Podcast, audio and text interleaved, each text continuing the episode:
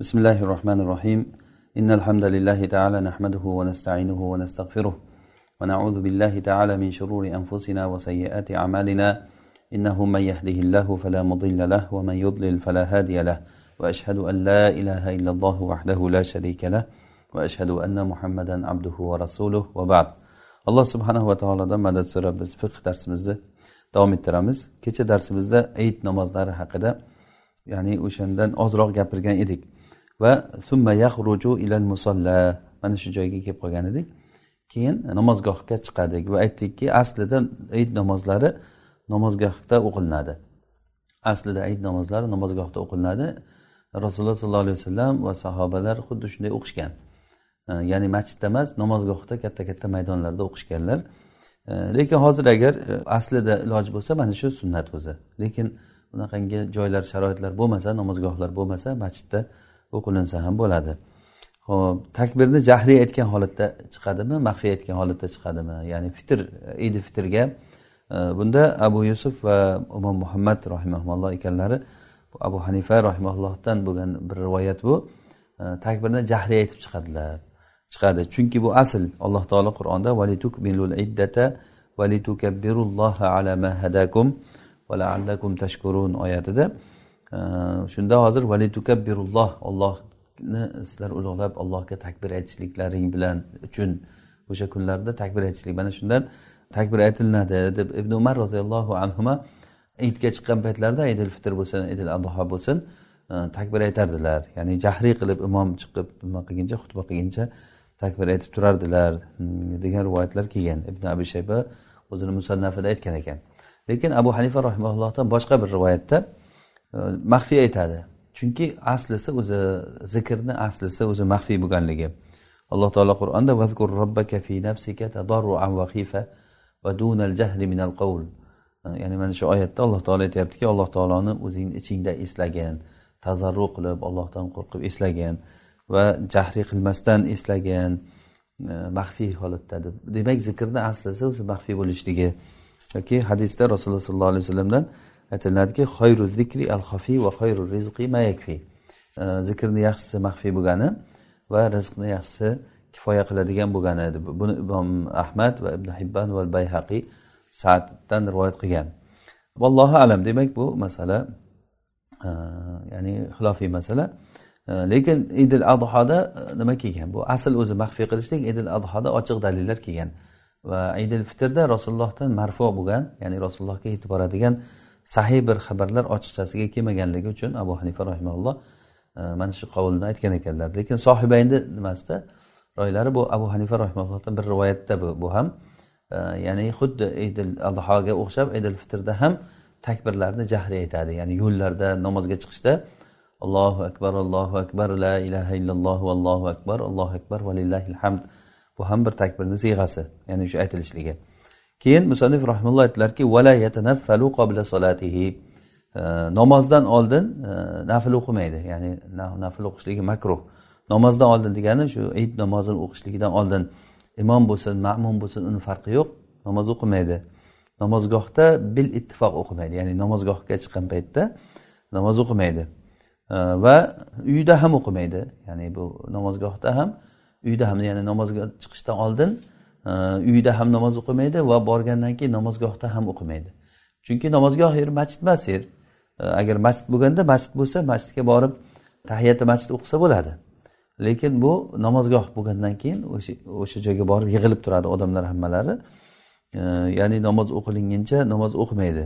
To namoz o'qilinguncha degani ayit namozini o'qib bitguncha namoz o'qimaydi. Ibn abbos roziyallohu anhudan rivoyat qilinadi. Rasululloh sollallohu alayhi vasallam namozgohga e, namozi uchun ular bilan birga chiqdilar. Undan oldin ham keyin ham namoz o'qimadilar. Mana hadis muttafaqun alayhi. Imom buxoriy va imom muslim rivoyat qilgan hadisda ibn abbosdan. Demak mana shu hadis ochiq kelyaptiki mana ayit namozi uchun rasululloh chiqdilar. Undan oldin ham undan keyin ham nafl namozini o'qimadilar. Demak hayit kunlarida nafl namozi e, namozdan oldin ham o'qilinmaydi namozdan keyin ham o'qilinmaydi. Abu said al hudriyni hadisda keladi. Rasululloh sollallohu alayhi vasallam ayit namozida hech bir namoz o'qimasdilar. Agar uyiga qaytsalar ikki rakat o'qirdilar deb kelgan bunda. Bunda yana ibn majah rivoyat lekin sahih aynda kelgan rivoyatda undan oldin ham keyin ham o'qimadilar degan. Allohu alam. Demak namoz o'qilinmaydi. Namozdan oldin ham o'qilinmaydi va keyin bo'lsa o'sha keyinida e, ya'ni e, bunda xilof bor. Hozir rivoyatlar hali ko'rib turganingizdek ikki xil kelyapti. E, demak ish yengilroq bo'ladi. Keyinda uyga kelgandan keyin masalan ikki rakat namoz o'qisa mana shu majahni rivoyati bilan e, bir ziyoni bo'lmaydi allohu alam. Va laha shurutul jumati vujuban va adaan. E, musallif aytyaptilarki va laha shurutul jumati vujuban va adaan. E, demak ayit namozi uchun shart qilinadi jumani shartlari vojib bo'lish shartlari ham ado shartlari ham. Masalan jumani vojib bo'lish shartlari qaysilar jumani vojib bo'lishligi uchun mana e, kishi balog'atga yetgan bo'lishi kerak aqlli bo'lishi kerak sog'lom bo'lishi kerak e, ko'zi ko'radigan oyog'i yuradigan bo'lishi kerak muqim bo'lishi kerak shaharda turadigan e. mana shular bo'lsa u vojib bo'ladi nima juma. Demak ayit ham xuddi shunday jumaday. Va ado jihati ham shunday shurutul ado. Ya'ni ado qilishlik shartlari qanday jamoat bo'lishi kerak sulton o'qib berish kerak iznul am bo'lishi kerak shahar joyda o'qilinishi kerak yoki shaharda finosda o'qilishi kerak jumani shartlarida aytdikku.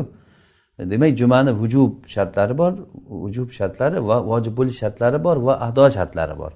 Vojib bo'lish shartlari birinchisini aytdik ya'ni mana erkak kishi bo'lishligi hur bo'lishligi aqlli bo'lishligi balog'atga yetgan bo'lishligi e, va muqim bo'lishligi va hokazo.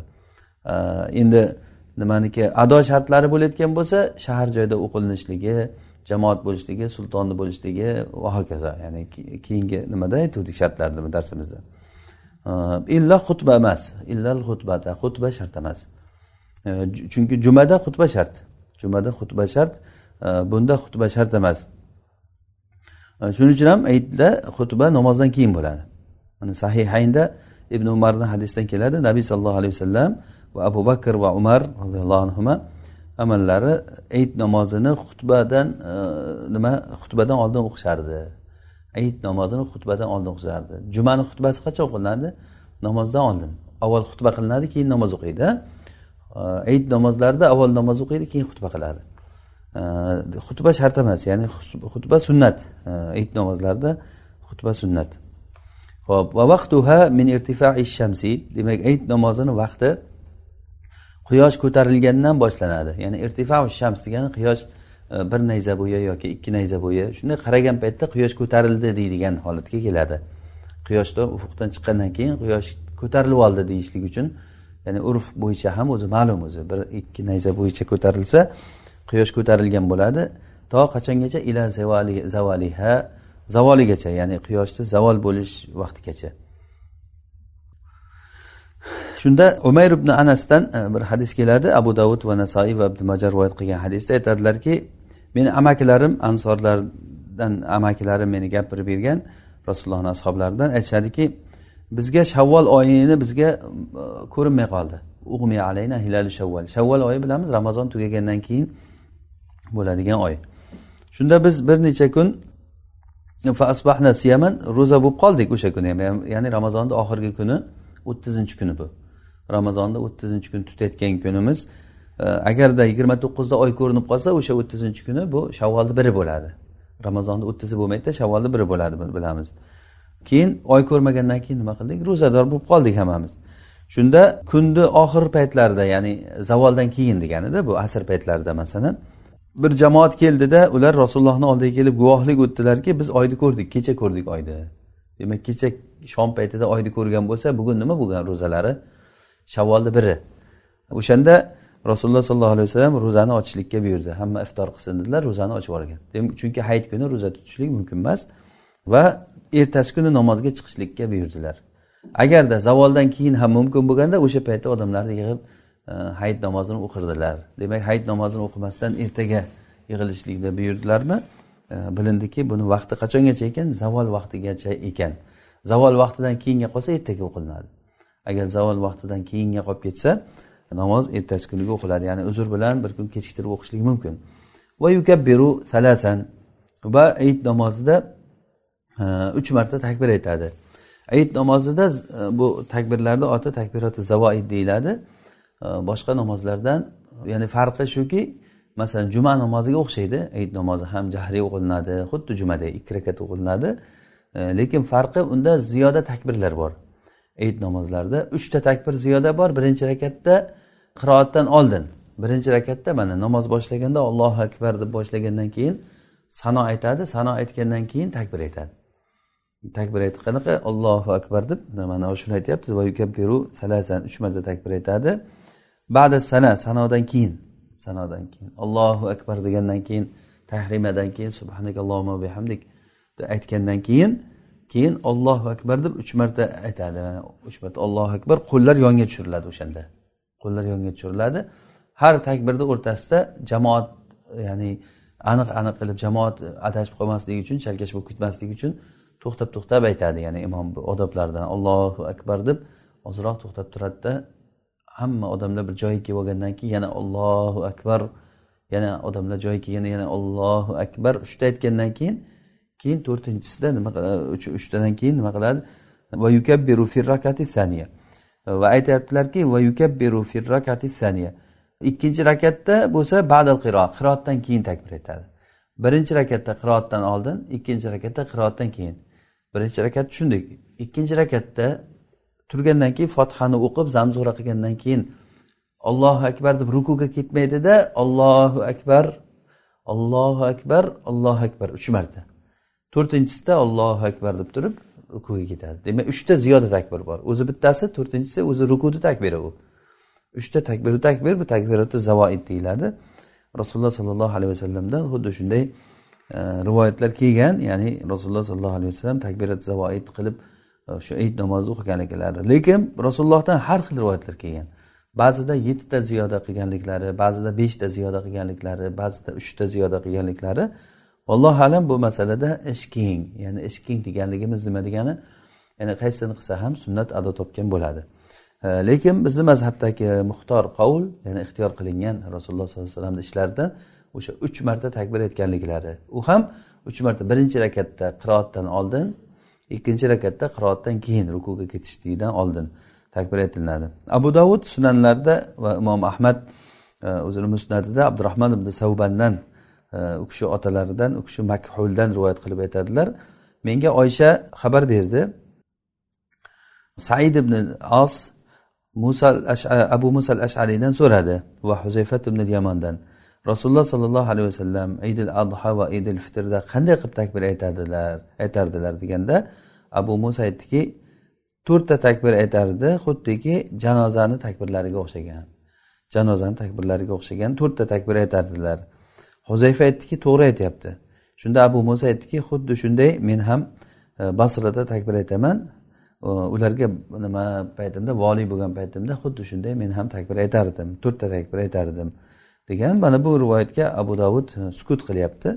Ya'ni to'rtta takbir degani ya'ni to'rtta ko'rinishda to'rtta bo'ladida uchta ziyoda takbir bitta takbir nimaniki namozni o'zini takbiri. Vallohu alam. Ya'ni bu hozir aytganimiz kabi bu masalada e, har xil rivoyatlar kelgan. Sahobalardan har xil amal kelgan bunga. Ya'ni sahobalardan har xil amal kelgan. Bu sahobalar amal qildi degani e, bu narsada rasululloh sollallohu alayhi vasallamdan ko'rib eshitib amal qilmasa odam o'zicha o'zi bunday qilolmaydi. Keyin takbiroti zavoidda qo'llar ko'tarilib e, qo'l ko'tarilib yonga tushib turadi. Ya'ni qo'llar ko'tariladi ya'ni ko'tarmay turib allohu akbar allohu akbar deb aytmaydida qo'llar ko'tariladi. Har takbirda qo'l ko'tariladi. Rasululloh sollallohu alayhi vasallamdan xuddi shunday naql qilingan. Va yusalli g'odan biuzrin va uzr sababli ertaga namoz o'qiydi. Ya'ni agar uzr bo'lib qolsa masalan oy ko'rinmay qolsa hozir yuqorida hadisda aytdiku rasululloh sollallohu alayhi vasallamga bir odamlar kelib xabar berdiki biz shavvol oyini oyini ko'rdik kecha ko'rdik deganda rasululloh namoz e, o'shanda nima qildi? Iftor qilishlikka buyurdilarda ertasi kun namoz o'qidilar ana bu uzr. Ya'ni uzr degani nima? Ba'zan o'qishni iloji bo'lmay qoladi. Ya'ni oyni ko'rganligini xabari bo'lmay odamlarni jamlashni iloji bo'lmay qoladi. Masalan e, soat o'nda o'n birda eshitishligi ham mumkin odamlar. Lekin odamlarga xabar qilib hammani yig'ishni iloji bo'lmay qoladi. Chunki bu ayit namozi jamoat bilan butun xalq o'qiydi uni xalq o'qiydi. Bu xalqni yig'ishlikda iloji bo'lmay qolsa bu ham bir uzrga kiradi. O'shanday bo'lsa ertasi kuni o'qilinadi. Hozir aytganimiz kabi. Agarda imom hayit namozini o'qisa hech bir kishi uni yana qaytadan qayta o'qimaydi. Ya'ni chunki bu islom shoirlaridan e, buni o'qishlik uchun imom shart dedik. Shunday bo'lgandan keyin imomni o'zi o'qib bo'ldimi? Bo'ldi. Bu xuddiki mana juma namoziga o'xshab bir marta o'qilinadi bo'ldi. Undan keyin qolib ketgan odamlar o'zlaricha jamoat bo'lib turib hayit o'qimaydi. O'zlaricha jamoat bo'lib turib ular hayit o'qisa bidat ish qilgan bo'ladi. Musulmonlarni jamoatini ya'ni farqalantirishlikka olib kelgan ishni qilgan bo'ladi. O'sha uchun bu namoz bir marta o'qilinadi. Tamom. Ya'ni uni ham kim o'qiydi? Imom o'qiydi. Imom yoki sulton yoki ya'ni sulton tarafidan qo'yilgan imom o'qiydi. Val adha kal fitr. Va idil adha xuddi idi fitrga o'xshaydi. Val adha kal fitr ya'ni idil adha e, idil fitrga o'xshaydi ya'ni xuddi shuni o'zi. Lakin nudibal imsaku e, ila an yusolliya lekin to namozgohga chiqquncha ovqat yemay turishligi mandub bunda mustahab. E, ya'ni idil fitrda kecha aytgan edikki idil fitrga chiqishligidan oldin odoblardan biri e, xurmo yeb chiqishligi rasululloh sollallohu alayhi vasallam xurmoni yer edilar bir qancha xurmo yedilar tog' yer edilar. Tog' ya'ni beshta yoki yettita mana shunday e, tog' qilib turib yeyishligi. Lekin idil adhoda yemasdan chiqqanlar. Idil adhoda namoz namozgohga chiqqanda keyin kelib turib qurbonlikni go'shtidan yeganlar. Mana hadisda keladi. Ibn mojah va termiziy rivoyat qilgan hadisda anna nabiy sallallohu alayhi vasallam kana la yakulu yawman nahri hatta yarja rasululloh sollallohu alayhi vasallam yovmun nahr kuni ya'ni qurbonlik kunida hech narsa yemasdilar hatto qaytib kelguncha deganlar. Qaytib kelish degani namozdan qaytganlaricha bir rivoyatda fayakulu min udhiyatihi qaytib kelib o'zlarini qurbonliklaridan yer edilar deb kelgan. Va yukabbiru jahron fit tariq yo'lda jahriy takbir aytadi jahriy takbir aytadi ya'ni jahriy aytishligi bu rasululloh sollallohu alayhi vasallamdan e, bizga sobit bo'lgan amal bu. Ya'ni sahobalardan ovozini ko'tarib jahriy aytadi borishda odamlarni ko'rganda bir balandlikka chiqqanda. Qanday holatlarda bir odamlar bir jamoatlarda hamma joyda takbir aytaveradi. Ya'ni butun hamma joyda takbir ko'tariladida. O'zi o'ylang masalan ko'chalarda odamlar takbir aytaversa bu yoqdan chiqayotganlar tushayotganlar masjidga kirayotganlar masjidda o'tirganlar hamma o'sha namozgohda deylik. Namozgohda takbirlar aytilaversa o'ziga yarasha bir katta bir ko'rinish bo'ladi bu. Musulmonlarni bayramona bir bayram ko'rinishligi ya'ni haqiqiy bayrami shu. Va yana borishda yo'lni boshqasidan borib qaytishda boshqasidan kelishligi ham bu mustahab ya'ni sunnatlardan. Ya'ni masalan iloji bo'lsa buni. Iloji bo'lsa masalan namozgohga borishda bu yo'ldan borsa qaytishda boshqa yo'ldan kelishligi. Chunki rasululloh sollallohu alayhi vasallam xuddi shunday qilganlar. Va yusolla salasata ayyamin biudrin va g'ayrihi. Va uch kun namoz o'qisa bo'ladi idil adhoni uch kun o'qisa bo'ladi idil fitrni bir kun edi o'sha bir kun kechiktirsa bo'ladi uzr bilan. A bunda uzr bo'ladimi uzrsiz ham uch kun o'qisa bo'ladi. Bundan keyin o'qimaydi ya'ni uch kundan keyin o'qishligi mumkin emas chunki idil adhoni o'zi kunlari e, uch kun o'sha uch kunda namoz o'qisa bo'ladi. Ho'p va yuallimu fi xutbatihi. Xutbasida imom nimani o'rgatadi? Odamlarga ta'lim beradi. Ya'ni qurbonlikni hukmlarini o'rgatadi. E, Takbir tashrihni va udhiyani takbirat tashrihni ma'nosini e, va udhiyani hukmlarini o'rgatadi. Chunki idil adhodagi xutba uni vaqtini hukmlarini ta'lim berishlik uchun uni vaqtini e, o'sha vaqtdagi ahkomlar qurbonlikni ahkomlari takbiri tashrih mana shularni va va samma idi fitrda bo'lsa ahkamal fitra. Fitr sadaqasini hukmlarini o'rgatadi. Fitr sadaqasi o'zi nima qancha berish kerak kimlarga berish kerak qanday berish kerak? Mana bular. Chunki bir yilda bir marta bo'ladigan amal bo'lgandan keyin odamlarda bunga amal qilishlik kam bo'lgandan keyin odamni yodidan ko'tarilib ketadi. Ko'pchilik odam bilmaydi. O'sha uchun juda vaqtida bu narsani o'sha ta'lim berishligi juda ham yaxshi. Lajtima yavma arafa. Arafat kunida jamlanishlik yo'q. O'sha tashabbuham bil vaqifin. Arafatda turganlarga o'zini o'xshatib. Ya'ni arafat tog'ida e, bilamiz aydil adhodan oldin bir kuni arafa kuni. Arafa kunida hojilar arafat tog'iga e, yig'iladi. U yerda duo qilib rahmat jabal rahmaga. Lekin arafatda bo'lmagan odamlar boshqa yerdagi musulmonlar o'zlaricha bir yerga bir tepalikka yig'ilib e, arafatda turganlarga o'zini o'xshatib o'sha yerda duo qilib o'tirishligi bu yo'q bu bidat ish bu. ya'ni bunaqangi narsa rasulullohdan va sahobalardan bunaqangi narsa kelmagan hajga borgan odamlar o'zlarini amallarini qiladi bu yoqdagilar o'zlarini amallarini qiladi lekin o'sha arafatda turganlarga o'xshab turaylik deb hamma odam bitta tepalikka yig'ilib o'sha o'zlarini qishloqlarida shaharlarida yig'ilishligi bu e, yo'q bu bidat ish bu ويجب قوله الله أكبر الله أكبر لا إله إلا الله والله أكبر الله أكبر ولله الحمد Mana shunday deb bir marta bo'lsa ham aytishligi e, mustahab e, ya'ni ziyoda qilishlik mustahab bu vojib hozir. Bir marta aytishlik vojib va ziyoda qilishligi e, mustahab. Bu takbirni boshqa siyg'alari ham kelgan. Allohu akbar kabira valhamdulillahi kathira va subhanallohi bukratan va asila. La ilaha illalloh vahda. Mana shunga o'xshagan zikrlar ham kelgan. Ya'ni bunda sahobalardan har xil aytganliklari kelgan. Har xil aytganliklari kelgan. Bu ham bitta turi hozir aytganimiz. Allohu akbar allohu akbar la ilaha illalloh vallohu akbar allohu akbar valillahil hamd. Bu e, amalda e, mutavoras bo'lgan e, hammamiz aytadigan amal bu zikr. Ya'ni shuni yodlaganmiz ko'pchilik biladi buni. Alloh taolo aytadiki fi ayamin ma'dudat.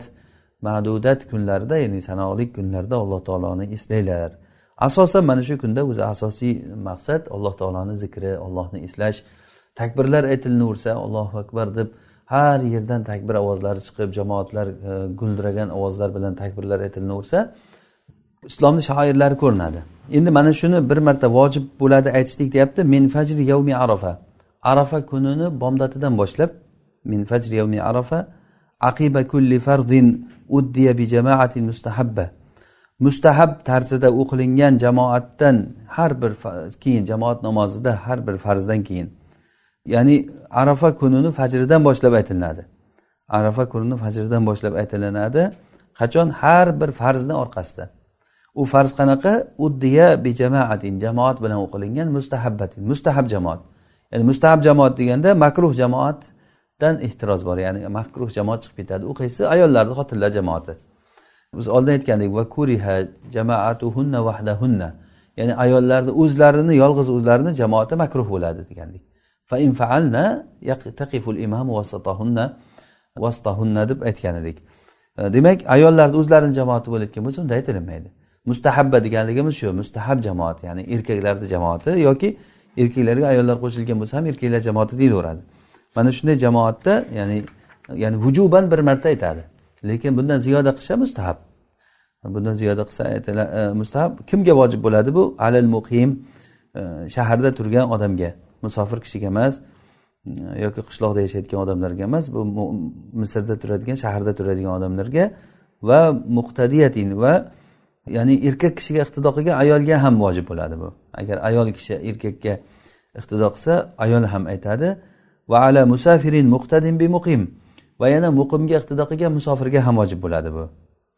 Tushunarlimi? Ya'ni bu alal muqim bu kimga vojib bo'ladi? Muqim shaharda turgan odamga va erkakka iqtido qilgan ayol kishiga ham vojib bo'ladi va muqimga iqtido qilgan musofirga ham vojib bo'ladi. Qachongacha? Ila asril ayt ayit namozini ayit kunini asrgacha. Ayit kunini asrgacha. Ya'ni arafa kuni bomdoddan boshlaydi. Qarang arafa kuni bomdoddan boshlasa arafa kuni beshta namozga aytadi. Va ayit kunini asrigacha degani uchta. Ya'ni ayit kuni bomdodi peshini va asrigacha aytadi. Demak sakkizta namozga aytadi. Sakkizta namozga aytadi. Bu ibn e, masuddan mana shunday naql qilingan. Abu hanifa rahimaullohni bu nimalari bu? Fatvolari shu. Ya'ni abu hanifa rahimaulloh aytganlarki shu arafa kuni bomdodidan boshlab ayit kuni asrigacha aytadi deganlar. Vaqola ila asri axiri ayyami tashriq. Sohibayn aytyaptiki imom muhammad bilan imom abu yusuf rahimaulloh ayyami tashriqni oxirgi kunini asrigacha ayyamut tashriq hayit kunidan tashqari yana uch kun. Ayyamut tashriq hayit kuni va undan keyin uch kun. Ya'ni jami to'rt kun bo'ladi. Arafa kunidan tashqari to'rt kun. O'sha ayyamut tashriqni oxirgi kunini asrgacha bo'ladi. Bu bu nima qavulni kim aytyapti? Sohibayn aytyapti. Abu yusuf va imom muhammad. Bu imom shofiyni ham gaplari shu. Va shuni imom shofiyni mazhablaridan bir qancha jamoat shuni rojih degan va ahmad ibn hambalda ham qavullari shu ekan. Va bihi yu'mal mana shunga amal qilinadi deyapti mana shunga amal qilinadi ya'ni fatvo shu sohibayni qavliga bo'lgan. Ya'ni e, o'zi amalda xuddi shunday bo'lib kelyapti. Biz buni ko'ramizki amalda hamma e, shu hanafiy diyorlarida e, mana shu sohibayni gapiga amal qilinadi shu masalada. O'shanda namoz yigirma uchta namozga aytilinadi. Ya'ni arafa kunida bomdoddan boshlasa bu beshta namozga aytilinadi. Keyin hayit kuni ikki kun. Hayitdan keyin yana bir kun ikki kun yana ikki kun. To'rt kun beshinchi kuni asrgacha. Ya'ni shunda yigirma uchta namoz bo'ladi.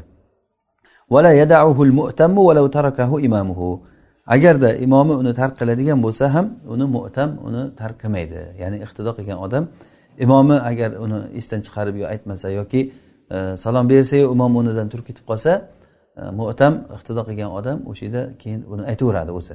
Chunki bu imomat bilan qo'shilib aytayotgan narsa emas bu jamoatda butun hamma aytadigan narsa o'sha uchun ham imom bilan aytishligi shart emas buni. Vallohu alam. Shu bilan hayit namozlarini ya'ni qisqacha qilib tugatgan bo'ldik. Keyin musannif rahimaulloh aytadilarki janoza bobi ya'ni babun fil janaiz. Janaiz degani o'zi jinazatunni jami. Jinazatunni jami e, yoki janazatun ya'ni ikkovsi ham joiz. Vallohu alam. Lekin jinaza deyishligi fasihroq.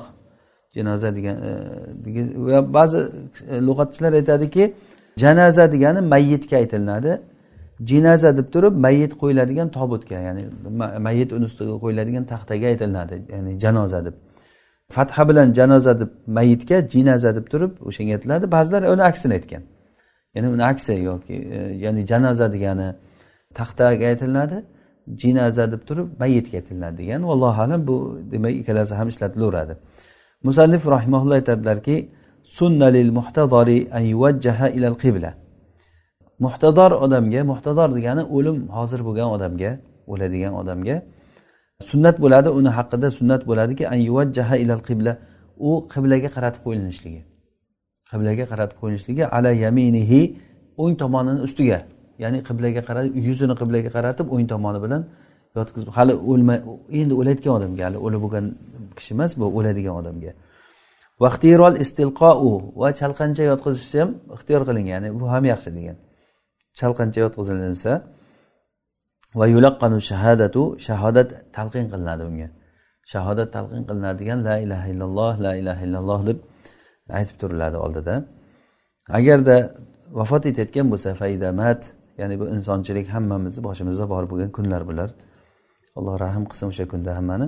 Faydamata agar kishi o'ladigan bo'lsa tushaddu lahyahu jog'lari baylanadi. Lahyun deb turib odamni jog' jog' suyaklari lahiy deyiladi. Tepa pasti ya'ni jog' ochilib ketmasligi uchun jog'lari bog'lanadi va tug'madu aynahu ko'zlari yopiladi. Chunki ko'z ochiq qoladi odam vafot etganda aksar holatda ko'z ochiq qoladi. Va yujammaru taxtuhu va haligi sariri ya'ni e, mayit yotgan taxtasi nima e, qilinadi? Xushbo'y narsa bilan tutatilinadi ya'ni xushbo'y yujammar degani o'sha nima xushbo'y narsa haligi tutatib e, hidlan hidi nima qilinadi? Hidi yaxshi bo'lishligi uchun ya'ni. Va kafanuhu va kafani ham shunday tutattiriladi. Vitron bu tog' qilinadi. Ya'ni innalloha vitrun yuhibbul vitra. Alloh taolo tog' tog'ni yaxshi ko'radi. Va yug'assalu va mayit yuvillanadi. Yug'assal degani yuvillanadi g'usul qildiriladi. Va yujarradu bila madmadatin va va yujarrad degani kiyimidan yechib qilinadi. Ya'ni mayitni kiyimi bilan birga yuvilinmaydi. Rasululloh sollallohu alayhi vasallam kiyimida yuvilingan. Rasulullohni yalang'och qilib yuvmaganlar sahobalar. Lekin e, boshqa odamlar bo'lsa nima yechintirib yuvilinadi. Albatta avrati yopilgan holatda. Bila madmadatin va istinshoqin e, og'zini chayish yo'q istinshoq yo'q ya'ni burnini chayqash yo'q. Chunki uni iloji ham yo'q buni haraj bor. Ya'ni mayitni og'zini chayqashlik e, va yana uni e, burnini chayqashlikni iloji ham yo'q. Vala qolmi zufrin va tirnoq olinmaydi. Chunki bu tirik kishilarni e, vazifasi bu ishlarni qilishlik. vala tasrihi sharin va soch taralinmaydi. Sochlari taralinmaydi. Chunki zarurat yo'q unga va yujalul hanutu ala rosihi va boshiga hanut qo'yiladi. Hanut degani o'sha o'lim mayit uchun tayyorlangan xushbo'y narsalar. Ya'ni xosatan e, mayitga ishlatilgan shu hanut deb va lihiyatihi va soqoliga qo'yiladi. val kafuru ala masajidihi va sajda o'rinlariga ya'ni sajda o'rinlari degani sajda qilayotgan joylari masalan peshonasi ikkita qo'li ikkita tizzasi ikkita oyog'i. Sajda qilgan paytda odamni tiyib turayotgan joylari yerga mana shu masajid deyiladi. O'sha sajda o'rinlariga ustiga kofur. Kofur degani o'sha paytlardagi xushbo'y bir hidlar. Endi hozir uni o'rniga boshqa narsalar masalan misk surtishligi mumkin boshqa bir xushbo'y narsalar surtishligi mumkin.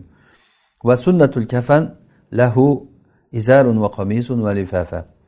Va kafanni sunnati ya'ni agar o'sha bo'lsa sunnatlik kafan bo'ldi deydigan darajadagi kafan erkak kishi uchun lahu degani erkak kishi uchun izor va qomis va lifofa uchta narsa. Inshaalloh bularni shaklini hali yana aytamiz eh, ozroq sharhlaganda. Vastuhsinal imamatu va imoma ya'ni salla qilishlik bu eh, ba'zi mashoyihlardan istehson qilingan ekan ya'ni qilsa yaxshi salla degan ekan boshiga ham mayyitni boshiga salla o'rab qo'yishligi. Lekin bu nimada? Hali bunda xilof masala bu buni aytamiz inshaalloh. Va yuzadu laha ximarun. Va ayol kishi uchun bir ximor bilan bir e, latta e, ziyoda qilinadi. Xirqatun turbatu biha fawqa sadyayha. Bu bilan ko'kragini ustidan bog'lab qo'yiladi. Ya'ni bir endi endi mana shuncha enlilikdagi bir latta ko'kragi ustidan e, bog'lab qo'yiladigan bir latta ziyoda qilinadi. Demak ayolda beshta bo'ldi. E, erkak kishida uchta bo'ldi kafani. Demak ayol kishini kifoyasi kifoyatuhu lahu izarun va lifafatun. Endi bu e, ayol kishiniki shu sunnati hozir. Bu aytganimiz ayolniki sunnatul kafan kafani ustunda tugadi shu yerda. Endi va kifoyatuhu lahu erkak kishi uchun endi kifoyasi ya'ni shu bo'lsa bo'ladi sunnati bo'lmasa ham eng e, kamida mana shu bo'lsin deydigan nimasi holati bo'lsa erkak kishiga izarun va lifafa. Izor bilan lifafa qomis shart emas. Va yuzadulaha ayol kishiga ximor ham ziyoda qilinadi ayolniki uchta izor va lifafa va ximor erkak kishiniki izor bilan lifafa. Izor degani bir e, latta e, bu ya'ni odamni boshidan oxirigacha bitta lattaga uradi keyin lifafa degani boshidan ham bir qarich chiqib turadi oyoq uchidan bir qarich chiqib turadigan bir uzun latta o'rtaga qo'yib o'shanga o'ralinadi. Ikki cheti e, chiqib turadi. Mana bu lifafa degani. Ayol kishida bu ham bor. Endi ayol kishiga ximor ham ziyoda qilinadi. Ximor boshiga o'ralinadigan bir ro'mol. U ham hammasi oq ya'ni kafandan bo'ladi. Ro'mol deganda ham bir gullik ro'mol tushunilmasin. U ham kafan nimasidan bo'ladi? Kiyimida bo'ladi. Va yuzadu lahal ximar va yuqadu in xifa intisharuhu agarda kafanni ochilib ketishligidan xavfi bo'lsa bog'lab qo'yiladi. Ya'ni e, bu odatda hammamiz amalda e, buni ko'rganmiz. Ya'ni kafanlangan paytlarda o'rab qo'yiladi bog'lab qo'yiladi. Nimasidan oyog'idan buyog'idan boshidan baylab qo'yiladi. Ya'ni ochilib ketmaslik uchun. Chunki mayyitni ochilib ketishligida uni xorlash bor. Mayyitni ochib qo'yilishligida uni xorlash bor. Mayyitni yuzi hamma joyi o'ralingan yopiq bo'lishligi buni ikrom qilishlik bobidan bo'ladi. Ikrom qilishlik bobidan bo'ladi. Ya'ni hamma tirik kishilarni vazifasi mana shu e, mayyitga xizmat qilishlik. Buni endi qisqacha bir sharhlaymiz endi. E, musannif rahimalloh aytadilarki sunnalil muhtazor e, muhtazor degani o'lim hozir bo'lgan yoki maloikalar hozir bo'lgan desa ham bo'ladi. Ya'ni uni oldiga hozir bo'lgan. Ya'ni buni qisqacha qilib aytganda o'laydigan odam degani. O'lmoqchi bo'lgan odam qanday bilinadi? Tirnoqlari qorayadi oyoqlari nima qiladi bo'shashadi. Ya'ni o'limni o'zi alomatlari bor. Joni chiqayotgan odam. Mana shu odamga muhtador deyiladi. Shu o'laydigan odam uchun sunnat bo'ladi. Ayuvajjaha ya'ni uni yuzi qiblaga qaratiladi. Buni abu qotadani hadisda hokim o'zini mustadrakida aytganlarki nabiy sollallohu alayhi vasallam madinaga kelgan paytlarida baro ibn ma'rurdan so'radilar. Aytishdiki u dunyodan o'tdi va uchdan bir molini sizga vasiyat qilib ketdi ey rasululloh.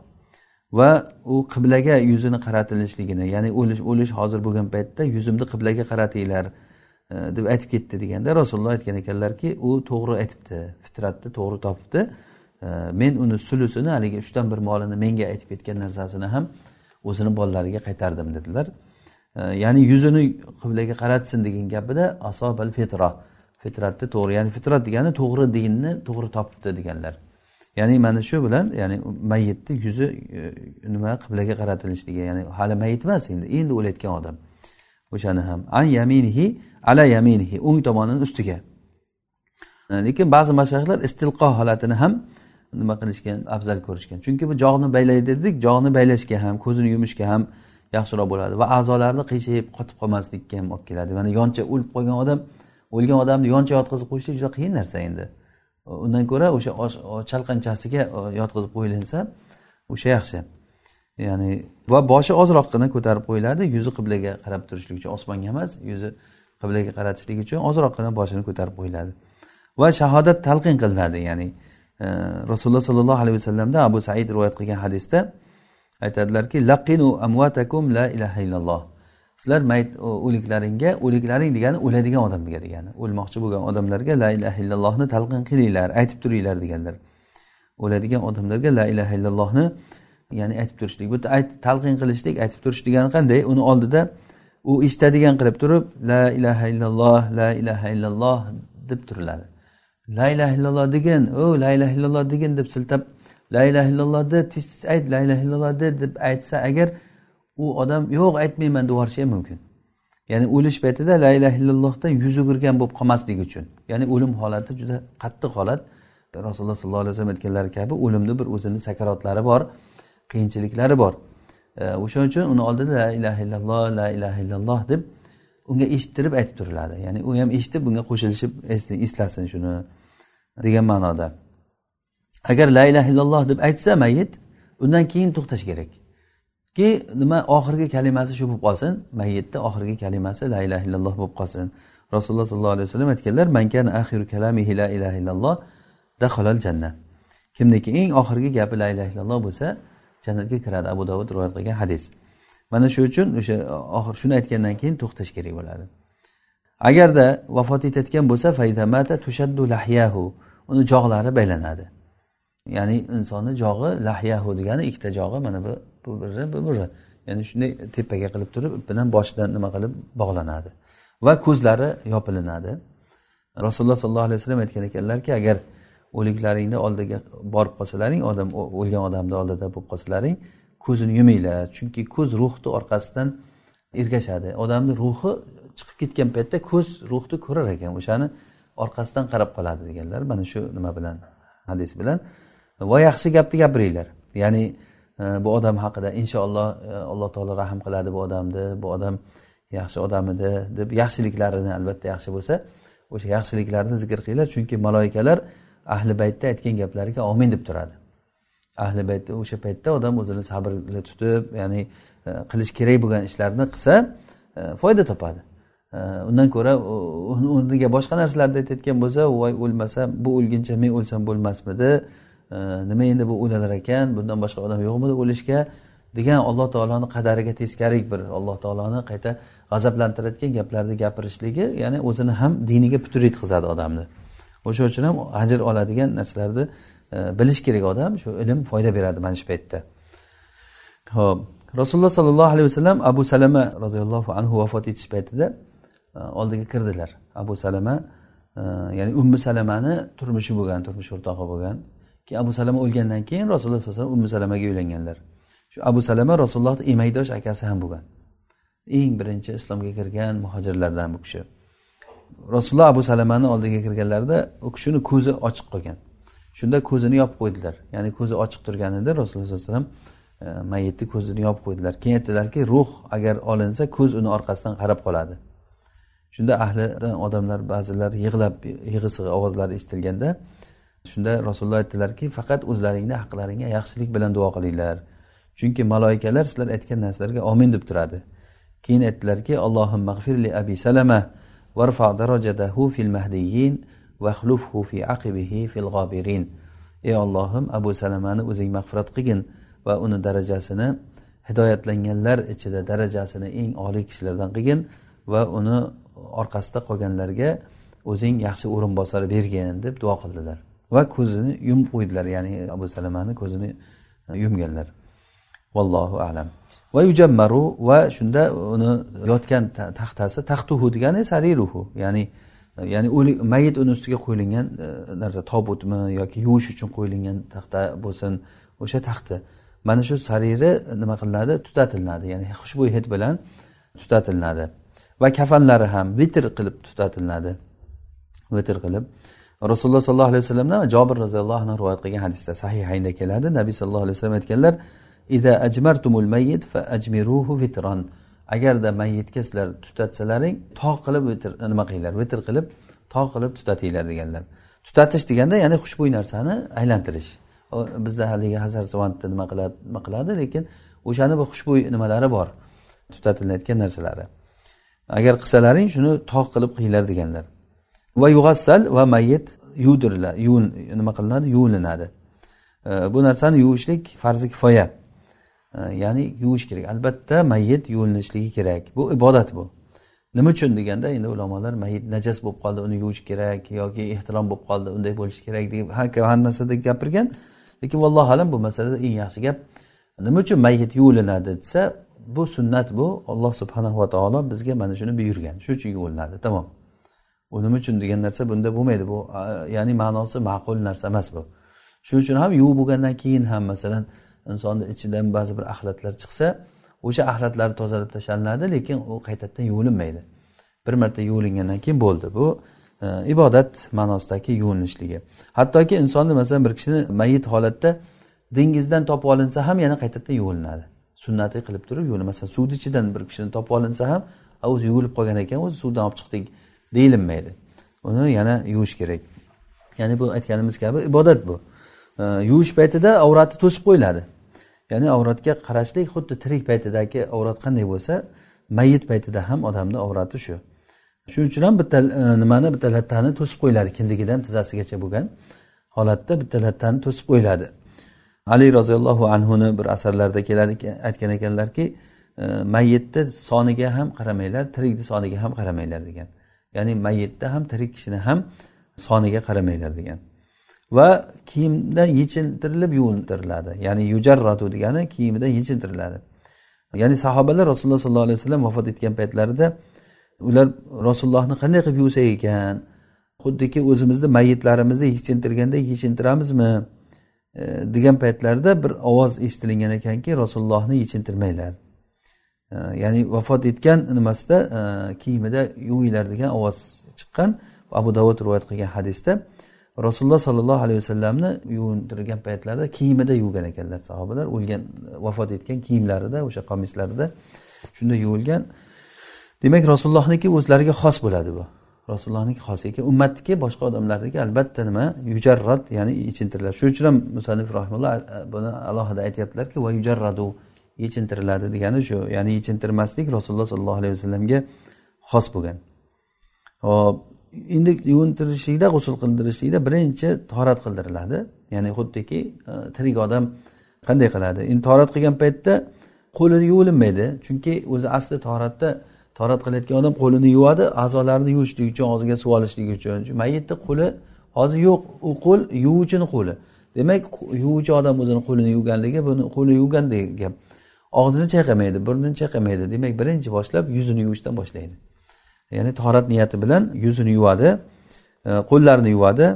Keyin xuddiki nima g'usul qilgan paytdagidek keyin bir tomonga bunday yonbosh qilib turib bela istinshoq ya'ni hozir aytyaptilarki e, bela va istinshoq e, ya'ni og'zi burnlari chayqalinmaydi chunki bunda haraj bor. Ya'ni o'lgan odamni og'ziga suv solib og'zini chayqab yana to'kib nima qilishlikda juda katta mayitga ozor berishlik bo'ladi. Bu bu haraj bor. Unaqa qilinmaydi. Ya'ni faqat yuzi yuvilinadi. Va tirnog'i olinmaydi. Ya'ni tirnog'i olinmaydi. Bu ham ya'ni mayitni tirnog'i o'sgan bo'lsa ham yoki masalan mo'ylabi o'sgan bo'lsa mo'ylabini qisqartirishlik e, yoki qo'ltiq osti joylarini tozalashlik masalan shunga o'xshagan narsalar qilinmaydi. Chunki bu ishlar tirik odam qilayotgan narsalar bular. Mayit bo'lgandan keyin bu ishlar qilinmaydi. Va yana mayitni karomatiga ham ta'sir qilayotgan narsa bu. Mayitni karomatiga ham ta'sir qilayotgan narsa. Va yana sochini e, tarashlik ham bo'lmaydi. Sochini tarashlik. E, Oysha roziyallohu anhu bir ayolni e, ya'ni ayollar yuvib nima qilganda sochini tarayotganligini ko'rgan ekan. Shunda aytgan ekanki bu mayitni nimaga tayyorlayapsizlar? deb inkor qilib gapirgan ekanlar. Ya'ni xuddiki to'yga tayyorgarlik ko'rganda tayyorgarlik ko'ryapsizlar degan ma'noda bunaqa qilinmaydi bu degan. Ayol kishi erini e, yuvsa bo'laveradi. Ya'ni e, masalan er vafot etsa ayol kishi erini yuvsa bo'ladi. Ya'ni agarda ayol muhrim bo'lsa ham yoki e, ro'zador bo'lsa ham uni farqi yo'q. Ehromda bo'lsa ham farqi yo'q. Va erkak kishi xotinini yuvishligi bu ixtilofiy masala. Ya'ni erkak kishi xotinini yuvishligi. Ya'ni agar xotin o'lib qolsa erkak kishi yuvsa bo'ladimi yo'qmi deganda. Rasululloh sollallohu alayhi vasallam oysha onamizga aytganlar. Sahih hadisda keladi. Agarda sen mendan oldin o'lsang men seni yuvaman deganlar. Mendan boshqa odam yuvmaydi ya'ni mana shu bilan demak e, yana boshqa nimalarda ham o'zi bunday e, er xotinchilikni muomalasidan qarasak er xotinchilikni muomalasidan qaralinganda baribir xotin o'lgan bilan ba'zi bir nima bog'liqlik joylari qoladi. Masalan meros olish e, baribir shuni xotini edi degan xotini o'libdi degan gaplar bo'ladiku. E, Allohu alam demak mana shunda ixtilofli masala. Lekin rasululloh sollallohu alayhi vasallam mana shu gaplardan joizlik kelib chiqadi. E, keyin suv ya'ni quyiladi nimaga agar suvni isitib agar toza qilishlik uchun ichiga bir narsa aralashtirilgan bo'lsa uni ziyoni yo'q. E, ya'ni chap tomonidan suv quyiladi. Ya'ni chap tomonga yotqizib qo'yilib masalan mayitni shunday chap tomoniga yotqizib qo'yib o'ng tomonidan suv avval yuzini yuvib qo'llarini yuvib torat qildirgandan keyin keyin chap tomonidan boshlab suv quyilinadi to mana bu o'ng tomondan boshlab suv quyiladi chapiga yetib borguncha chapga yotgan bo'ladi. Mana bu bir hisoblanadi. Mana shu bir marta yuvgan hisoblanadi. Keyin bu yoqqa qilib bu yoqqa yotqizib qo'yib turib bu tomondan suv yuvsa bu ikki marta nima qilinadi? Keyin yotqizgandan keyin keyin ustlarini yuvsa bu uch marta yuvgan hisoblanadi. Ya'ni uch martasi e, mana shu bilan martaga e, o'tadi. Va hanut yana aytilyaptiki o'sha hanut qo'yiladi Э, qayerga ala rosihi va lihiyatihi e, boshiga va soqollariga. Hanut degani bu xushbo'y aynan o'sha nima arablarda e, nima uchun? E, Mayitlar uchun ishlatiladigan bir xushbo'y narsalar bo'lgan. Va kofur ham xuddi shunaqa bir o'simlikki bu bir xushbo'y hid beradigan bu sajda o'rinlariga qo'yiladi. Ala masajidihi. Ya'ni masajid degani sajda o'rinlariga sajda qilgan joylari odamni peshonasi yuzi burni masalan ikkita qo'li kaftlari ikkita tizzasi ikkita oyog'i sajda qilgan paytda tiyib turadigan joylari. Mana shu joylarga bir xushbo'y narsalar qo'yiladi. Ummu atiyadan naql qilinadi. Aytadilarki rasululloh sollallohu alayhi vasallam e, biz rasulullohni qizlarini e, yuvayotgan paytimizda kirib keldilar. Aytdilarki uch marta yuvinglar yo besh marta yuvinglar yoki bundan ham ko'proq yuvinglar. Agar shuni e, joiz deb topsalar lozim deb topsalaring yuvinglar. Ya'ni bu degani e, ya'ni mayitni bir yaxshilab yuvintirish degani. Bu degani uch marta yo besh marta yoki bundan ham ko'p yuvsalaring bo'ladi. Suv bilan va sidr qo'shib yuvinglar. Sidr degani e, bir suvni ichiga qo'shiladigan daraxtni bir e, tomirlariki o'sha ko'pirib bir tozalanishlikka olib keladi. Sidr bilan yuvinglar. Yoki sidr o'zi haligi barglar bu men tomirni nima suvni ichiga tashlansa bu ham xuddi hozirgi sovunlarni o'rnini qilib beradigan narsa bu. Va oxirgisida kofur bu ham o'simlik ya'ni o'shani qo'yinglar. Yoki bo'lmasa kofirdan bir narsa qo'yinglar. Agar yuvib bo'lsalaring meni menga xabar qilinglar dedilar. Biz yuvib bo'lganimizdan keyin rasulullohga xabar qildik. Yuvib bo'ldik deganimizda bizga rasululloh sollallohu alayhi vasallam o'zlarini izorlarini ya'ni kiyimlarini berdilar. Shunga o'ranglar deganlar. Ya'ni o'zlarini qizlarini o'zlarini kiyimlariga kafanlashlikka uchun kiyimlarni berdilar. Mana shuni o'sha haligi nimaga mayitga bir o'ranchiq qilgan uch marta shuni yuvinglar yo besh marta yo yetti marta yuvinglar. O'ng tomondan boshlanglar va torat o'rinlaridan degan joylari ham bor. Bu hadis muttafaqun alayhi hadis. Demak hozir yuqorida aytgan narsalarimizni hammasi shu mana shu hadisda o'zi jamlanib qolyapti. Allohu alam. Mayitni nimasiga? Orqa tarafiga e, bir paxtami bir narsa tiqib qo'yishlik masalasi. E, ba'zi bir odamlar shuni aytgan ekan ya'ni nima chiqmasligi uchun odamdan axlat chiqmasligi uchun tiqib qo'yiladi deb lekin bu omma mashoyihlar e, bu narsani qabih sanashgan. Haqiqatda ham insonni karomatini ketkazayotgan narsa. O'zi tirik odamga bu narsa e, o'zi bir e, juda bir yaxshi ish emas bu narsa. Endi o'lgan odamga bunaqangi qilish yaxshi ish emas. Ba'zi odamlar gapirgan lekin omma mashoyihlar bu narsani qabih sanashgan ekan. Ya'ni mayitni orqa tarafiga bir paxtani tiqib qo'ysa bir nima bo'lmaydi najosati chiqib ketib qolmaydi. Kafanlanganda deb. O'zi yuvganda bir marta kafanlab tozalangandan keyin shuning uchun ham tezroq olib borib ko'mishlik shuning uchun ham janoza namozini ham shu kafanlab tayyorlashlikga tezlashtirishlik. Ya'ni kafanlab yuvilib kafanlab bo'lgandan keyin birdan janoza namozini o'qib tezlik bilan olib borib ko'mib kelinadi. Shu.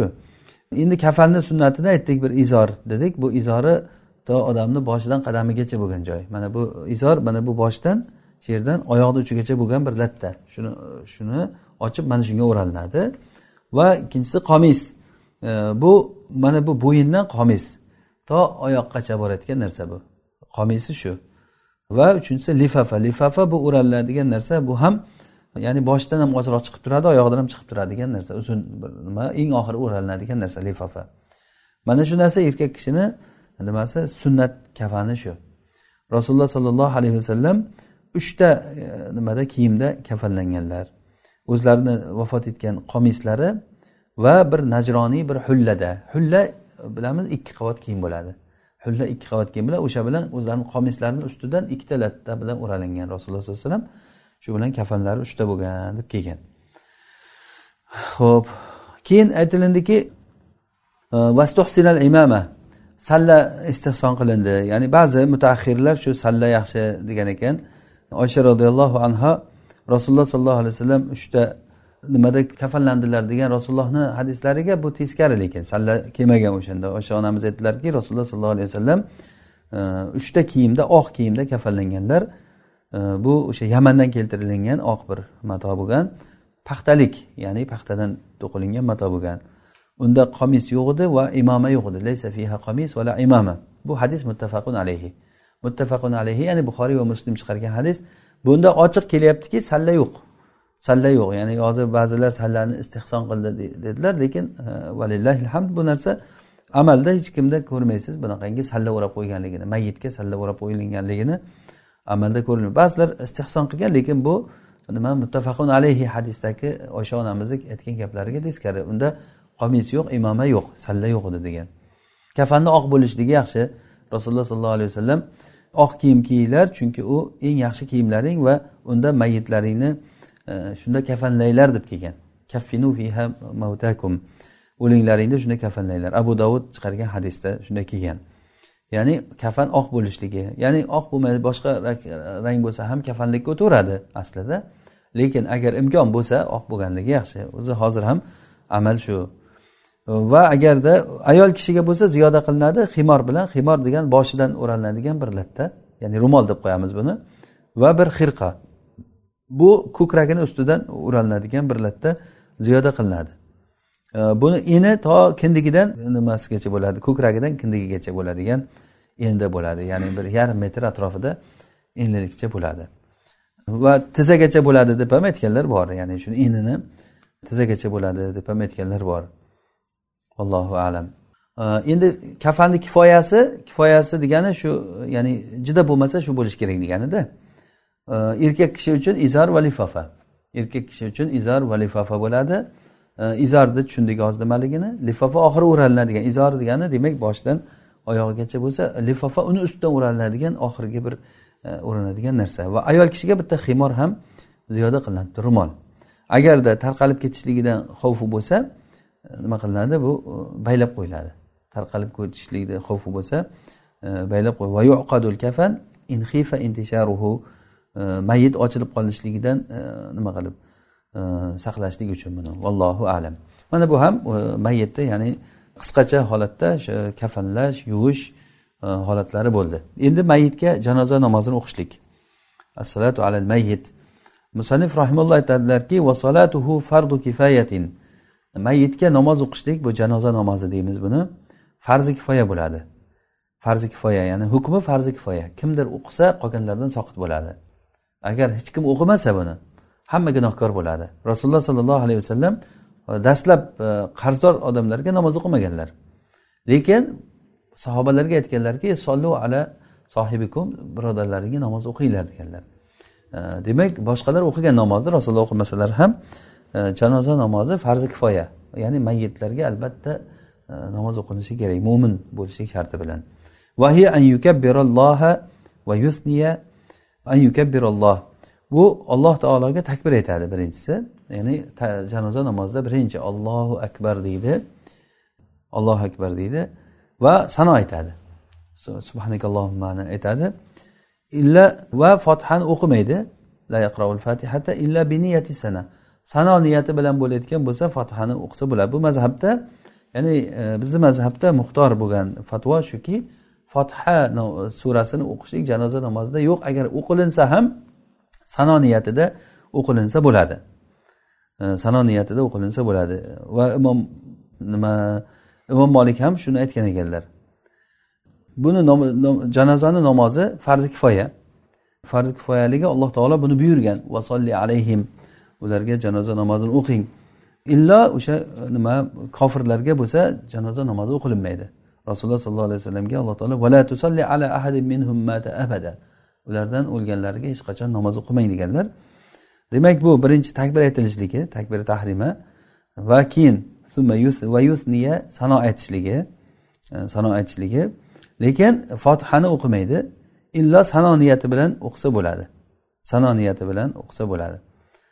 Mana shuni imom molik ham aytganlar va imom shofiy rahimaulloh fotihani o'qishlikni vojib deganlar. Ya'ni bu namoz ekanlik e'tibori bilan. E, chunki rasululloh sollallohu alayhi vasallam aytganlarki la solata illa bi fatihatil kitab. E, namoz fotihatil kitobsiz fotihasiz namoz namoz bo'lmaydi deganlar. Bu namoz bu degan. E, bizni dalilimiz ibn masud roziyallohu anhudan kelgan asar. Ya'ni u kishi aytadilarki rasululloh sollallohu alayhi vasallam janoza namozida qur'ondan hech bir narsani bizga o'qinglar deb belgilab bergan emaslar degan. Demak mana shu bilan o'qisa agar duo ma'nosida sano ma'nosida bo'ladi lekin janoza namozi boshqa namozlardan farqli namoz. Unda ruku yo'q sajda yo'q. Demak solat deyilganligi bilan namoz bo'lganligi bilan boshqa namozlarday bo'lib qolmaydi deyilgan. Keyin summa yukabbir va yusalli ala nabiy keyin takbir aytadi va rasululloh sollallohu alayhi vasallamga e, salovat aytadi. E, buni abu dovud va e, nasoiy va termiziy rivoyat qilgan hadisda fudolat ibn ubayddan aytadilarki rasululloh sollallohu alayhi vasallam bir odamni duo qilayotganligini eshitdilar. U alloh taologa hamd aytmagan rasulullohga salovat aytmagan. Rasululloh aytdilarki bu odam shoshildi keyin duo qildi dedilar. Ya'ni shunda aytdilarki agarda sizlarni bittalaring duo qilsa birinchi ollohga hamd aytsin va salom aytsin keyin nabiy sallallohu alayhi vasallamga salovat aytsin keyin mana shundan keyin xohlagan narsasi bilan duo qilsin.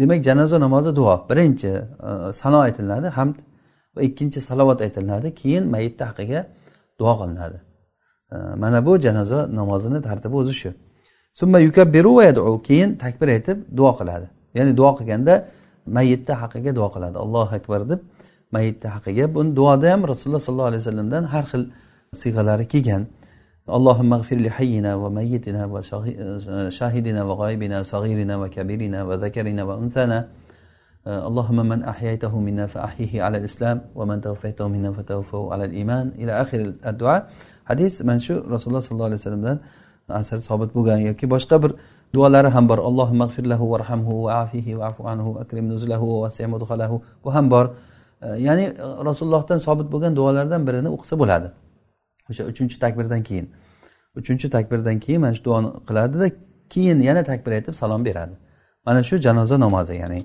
to'rtta takbir aytilinadi. Demak qisqacha allohu akbar deb birinchi takbirdan keyin sano aytadi.